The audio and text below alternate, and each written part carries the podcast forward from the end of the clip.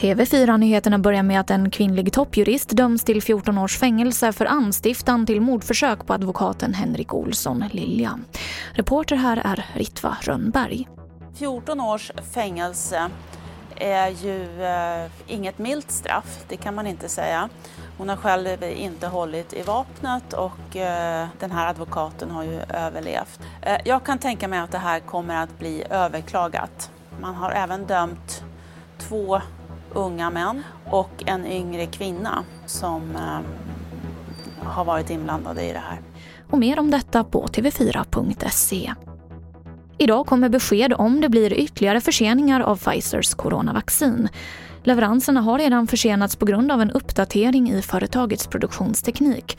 Först så pratades det om en månads försening och sen en vecka. Och beskedet kan förstås få konsekvenser för regionernas vaccinering. Och till sist kan jag berätta att det är färre covid-patienter som vårdas på IVA nu enligt SVT.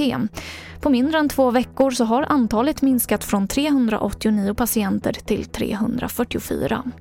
Och enligt Karin Tegmark Wisell på Folkhälsomyndigheten så kan det här bero på julledigheterna. Men hon säger också att siffrorna kan komma att öka igen. Och det var det senaste från TV4 Nyheterna. Jag heter Emily Olsson.